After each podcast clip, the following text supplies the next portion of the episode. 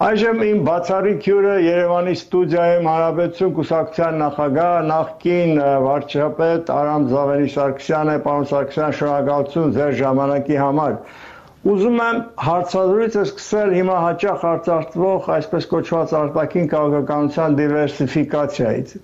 Գիտեք, այն ժամանակի նման մի տերմին դրվեց շրջանառության մեջ նախկին արտգործնախարարներից մեկի Վարդան Ասկանյանի կողմից Նա արտակի քաղաքականության հավասարակշռման կամ նոր ուղղություններով ինքը անվանում է փոխլրացման քաղաքականություն, կոմպլեմենտարություն, դուք շատ լավ հիշում եք դա, կոմպլեմենտարության քաղաքականություն, որը որ սակայն կարող եմ ասել ձևական բնույթ էր կրում։ Գաղափարն այլ էր, որ Հայաստանը իր ռազմավարական դաշնակցից Ռուսաստանից բացի պետք է հարաբերություններ զարգացնի նաև արևմուտքի Եվրամիության հետ, բայց այն ժամանակ Հայաստանի արտաքին քաղաքականությունը պատանդարված էր, կարող ենք ասել Ռուսաստանի կողմից։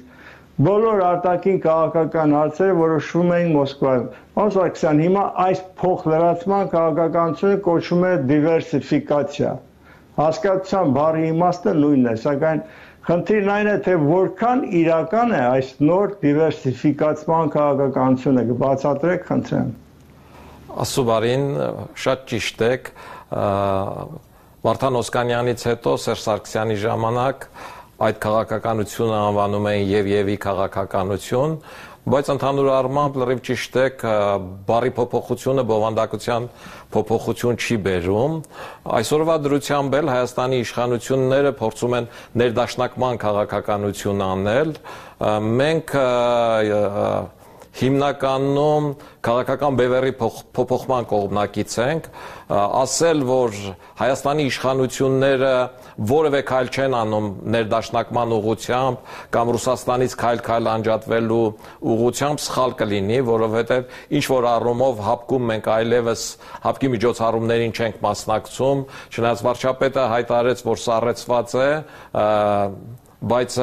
հապկի կանոնադրությունը սառեցնելու հնարավորություն թույլ չի տալիս, մենք կարող ենք չմասնակցել եւ հապկի անդամներն են, որ կարող են մեզ մեր անդամակցությունը սառեցնել, հետո մեզ դուրս հravirել, եթե մենք շարունակենք չմասնակցել։ Ընդհանուր առմամբ այն պայմանագրերը, ինչ Հայաստանն ունի Ռուսաստանի հետ, փաստացիորեն այսօր Հայաստանում գործում են, բայց քայլեր դեպի արևմուտք արվում են ու այստեղ հիմնական քայլերից մեկն է, որ Հայաստանը այլընտրանքային զենքի գնումներ է կատարում, ինչպես Եվրոմիությունից, այնպես էլ Հնդկաստանից, որ Հայաստանը չի մասնակցում հապկի միջոցառումներին, որ Հայաստանը ընդունեց Ռոմի ստատուտ ստատուտը, որ Հայաստանը Ադրբեջանի հետ փոխհարաբերությունների ճշտումը փորձում է արևմտյան հարթակներում եւ փաստաթղթեր է ստորագրում Պրագայում եւ Գրանադայում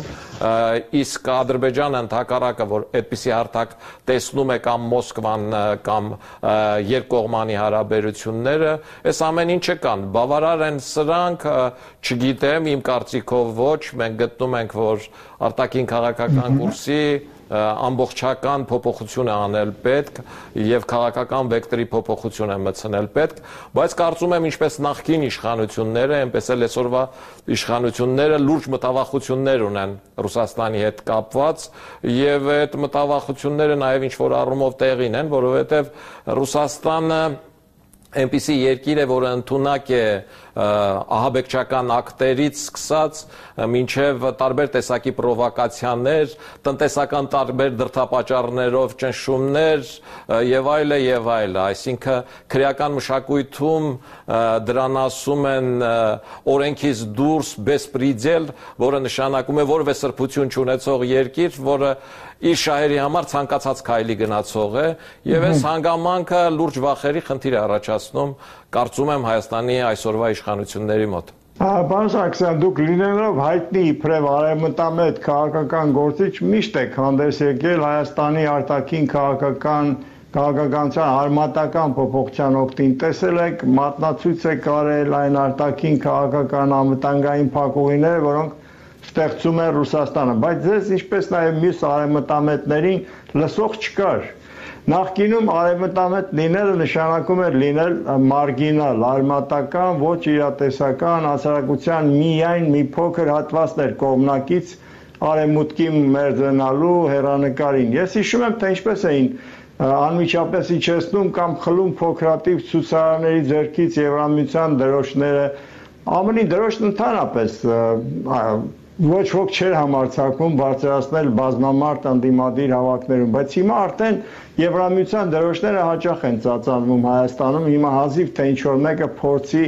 Ռուսաստանի դրոշը բարձրացնել նույնիսկ անդիմադիրների հանրահավաքներում Ռուսաստանն այսօր համարվում է Հայաստանի մեղմ ասած ոչ բարեկամական երկիր, որը սպառնալիք է Հայաստանի անվտանգության համար։ Այն դեպքում, երբ Եվրամիության դիտորդական խմբի գործունեությունը համարվում է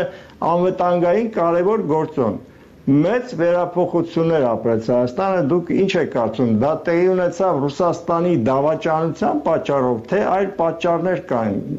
Միանշանակ Ռուսաստանի դավաճանության պատճառով եւ միանշանակ Լեռնային Ղարաբաղում տեղի ունեցած գործընթացների եւ այդ այդ գործընթացներին Ռուսաստանի տված գնահատականների պատճառով։ Իհարկե արևմտյան արժեքները նաև սկսվեցին գնահատել այն պատճառով, որ վերջին տարիներին Հայաստանի Հանրապետության բնակչությունը մի քիչ ավելի մեծ հնարավորություններ ստացավ ճամփորդելու, շրջագայելու, արևմտյան աշխարհը տեսնելու, արևմուտքից իր ազգականներին, բարեկամներին հյուր ընդունելու, այդ առավելությունները տեսնելու առումով, բայց անվտանգության բաղադրիչը միշտ մեր ժողովրդի մոտ գենետիկորեն նստած է եղել եղել, մեր ժողովուրդը հուսով է եղել, որ անկախ նրանից լավ ենք ապրում թե վատ Ռուսաստանը մեզ կպաշտպանի եւ այն մոտեցումները, ինչ մենք ժամանակին ասում էինք, իրենք այդ պրիզմայով էին նայում ու դրա համար մենք 0.7%-ից մինչև մաքսիմումը 3% քվե ենք հավաքում ամբողջ արևմտավետներով միասին, իսկ ռուսական թևի եւ եւի կամ բալանսավորված քաղաքականության կողմնակիցները միշտ հաղթում էին եւ ես կարծում եմ, որ այսօր էլ բալանսավորված քաղաքականության կողմնակիցները ավելի շատ են, քան արևմտյան ուղղության վրա գնացողները, որովհետև Ռուսաստան արևմուտք հակադրության ենթատեքստում աշխատում են զերծ մնալ, ոտատակ չընկնել այդ խնդրում, չհայտնվել Ուկրաինայի պարագայում, որովհետև Ուկրաինան մեծ խորություններ ունի ու պատերազմի ժամանակ դիրքերը կարող են տեղափոխվել, իսկ Հայաստանը այդ խորությունները չունի։ Այս խնդիրներին զգուշավոր մոտենալու ենթատեքստում է, որ իշխանությունը կարողանում է իր քայլերի դրամաբանությունը ներկայացնել եւ համախոհներ պահել։ Բայց մենք ասում ենք, որ եթե Ուկրաինան համակերպվեր այդ այդ իրավիճակին, եւ չհակադրվեր գնար եւ եւի քաղաքականության այդ դեպքում այսօր կլիներ երկու Ուկրաինա, մեկը Կիև մայրաքաղաքով, մեկը Լվով մայրաքաղաքով, այս Կիև մայրաքաղաքով եղած Ուկրաինան կլներ ամբողջական ռուսական ազդեցության տակ կամ Բելարուսի կարգավիճակով ինչ որ մի տարածք, իսկ այսօր Կիևի մասին անգամ Ռուսաստանի նախագահը չի խոսում։ Այ բանակցային գործընթացը կարծեք թե շարունակվում է նոր հանդիպումներ են նախատեսված, թեև Ալիևը իր հարցազրույցներում շարունակում է մաքսիմալիստական, անիրատեսական պահանջներ դնել Հայաստանի արչև մերժել արևմտյան հարթակներում Հայաստանի հետ բանակցային առաջարկներ, սակայն Մյունխենում արևմտյան գլխավոր երկրի ԱՄՆ-ի պետքարտուղարի հետ առաջին իսկ հանդիպման ժամանակ շնորհակալություն հայտնեց ԱՄՆ-ին բանակցային գործընթացում գործադրվող ջանքերի համար։ Իսկ Գերմանիայի կանցլերի Օլաֆ Շոլցի միջնորդությամբ հանդիպեց Հայաստանի վարչապետին ձեր մեկնաբանությամբ ինչ է իրականում մտածում Ադրբեջանի նախագահը երբ նա իր պաշտոնամուտի ճառում քննադատում է արևմտյան երկրներին համարում նրանց բոլորին Հայաստանի բարեկամներ եւ ասում թե Ադրբեջանը միջնորդի կարիք չունի իսկ հետո շնորհակալություն հայտնում ԱՄՆ-ի պետքարտուղար Բլինքենին բանակցային գործընթացին աջակցելու համար։ Մնում է միայն տարակուսել։ Հիմա որ խոսքին պետք է հավատալ ըստ պարոն Սարգսյան, թե Ես կարծում եմ, որ Ադրբեջանի նախագահ Իլհամ Ալիևը իրավիճակները ճիշտ գնահատում է, ինքը նաև արտաքին քաղաքականության առումով մասնագիտական կրթություն ունի եւ այդ հմտությունները օգտագործում է։ Ընդհանուր ենթատեքստը իր ընտրությունների ժամանակ քարոշչության առումով ուղղված էր հիմնականում ներքին լսարանին եւ ավելի նպոկելուն։ Ես համոզված եմ, որ Իլհամ Ալիևը լավ հաշվարկել է, որ անկախ դրանից միջանցք կոչվածը, ինչ իրենք միջանցք են անվանում, ինչքան էլ իրենց անհրաժեշտ է Նախիջևանը Ադրբեջանին կապելու առումով, այն ուժով վերցնելը անիմաստ է անհնարին, որովհետեւ վերցնելուց հետո ինքը այդ միջանցքը պիտի նոյեմբերի 9-ի փաստաթղթի 9-րդ կետով տրամադրի Ռուսաստանին, իսկ Ադրբեջանը հայտնվի պատժամիջոցների տակ։ Մյուխենում Ալիևը եւ իր թիմը բոլոր ելույթներում լսում էին հետեւյալ մոտեցումը, որ ուժով, ուժի բռնությամբ որևէ երկրի տարածք մտնելը անթույլատրելի է եւ դա միանշանակորեն պատժվելու է։ Իհարկե, այս խոսակցությունները հիմնականում Ռուսաստանին էին ուղված, բայց դա միջազգային կանոններով եւ միջազգային օրենքներով ուղված է ցանկացած երկրի, այդ թվում նաեւ Ադրբեջանի, եթե ինքը կփորձի Հայաստանի առումով որևէ քայլ անել, եւ Ադրբեջանը չի կարող այս հանգամանքների հետ հաշվի չնստել։ Նաև կա երկրորդ հանգամանքը, դա տնտեսական հանգամանքն է, որում բազմաթիվ խնդիրներ ունի Ադրբեջանը, ներառյալ գազային ռեսուրսների ավելացման առումով։ Ինքը պայմանագիր ունի նոր գազային ռեսուրսներ բացելու առումով ֆրանսիական Total-ի հետ, իսկ այսօրվա արտաքին քաղաքական նման զարգացումների պարագայում այդ պայմանագիրը ինչ որ առումով սառեցված է։ Իհարկե ոչ տոտալը, ոչ Ադրբեջանը դեռ չեն հրաժարվել այդ պայմանագիրը իրացնելուց, բայց այդ պայմանագիրը տեղի չի շարժվում, իսկ այլ երկրներ էլ չկան, որոնք ցանկություն են հայտնում նման մեծ ներդրում անել, որպեսզի ադրբեջանական էներգոկիրների հնարավորությունները դեպի Եվրոպա գնացող պաշարները ավելանան։ Կա երրորդ հանգամանքը, դա Թուրքիայի հանգամանքն է, որը արդեն Միացյալ Նահանգների հետ բանակցում է S400-ներից հրաժարվելու եւ F35-ներ գնելու առումով, ինչը կնշանակի արևմուտքի միանշանակ հաղթական հաղթանակ, որովհետեւ Թուրքիան ինքն էր ժամանակին արևմուտքին մեղադրել հեղափոխություն Թուրքիայում հեղափոխություն կազմակերպելու մեջ եւ S400-ներ էր գնել եւ վեկտորը թեքել էր այլ կողմ, հիմա ինքը հրաժարվում է դրանից եւ գնում է դեպի Միացյալ Նահանգներ եւ այստեղ Թուրքիան լուրջ պատճառներ ունի, տեսականորեն այլ ընտրանք էլ չունի, որովհետեւ Թուրքիայի տնտեսության ինդեքսը հասել է այն մակարդակին, որ միջազգային բանկերը Թուրքիային 23-ից 25%-ից պակաս վարկային ռեսուրսներ չեն տրամադրում, իսկ նման վարկային ռեսուրսներով բնականաշինություն, բնակարանաշինություն եւ կոմունիկացիաներ, ճանապարհներ, երկաթգծեր եւ այլը չես կառուցի եւ Թուրքիան իր ճանապարհային գրաֆիկ պլաններից, որը նախատեսել էր Սաուդյան Արաբիայի միջոցով նաև վարկեր վերցնելով իրականացնել, հրաժարվեց, որովհետև Սաուդյան Արաբիան համաձայնեց 30% ընդհանրապես տրամադրել։ Ես կարող եմ ասել, որ այդ ծրագրից հրաժարվել է նաև Ադրբեջանը, ես սա վստահաբար եմ ասում, որովհետև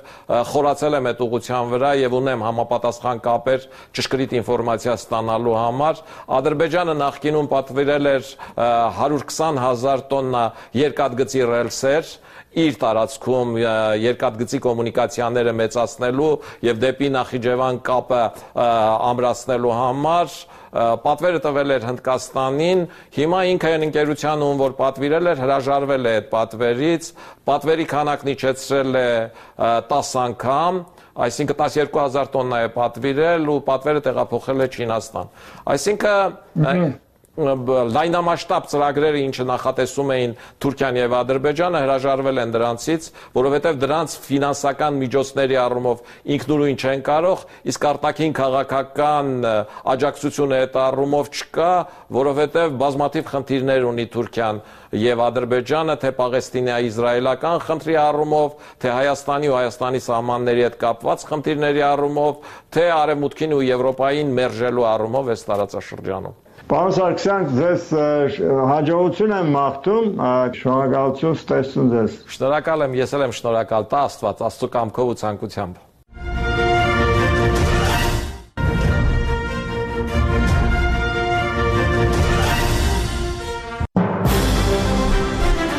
Երկուշաբթիից ուրբաթ ժամը 20-ից Ազատություն TV-ն ուղիղ եթերում կհեռարձակի լրատվական թողարկումները։ Ազատություն լրատվական կենտրոնը ձեզ կներկայացնի ամենավերջին տեղեկությունները։ Չգրաքննված, անկողմնակալ ու միայն հավաստի։ Հետևեք մեր հաղորդումներին երկուշաբթիից ուրբաթ։ Ամեն օր ժամը 20-ից։ Ազատություն լրատվական կենտրոն։ Միայն հավաստի լուրեր։ Այս ամենը դուք կարող եք դիտել ազատություն.am կայքեջում։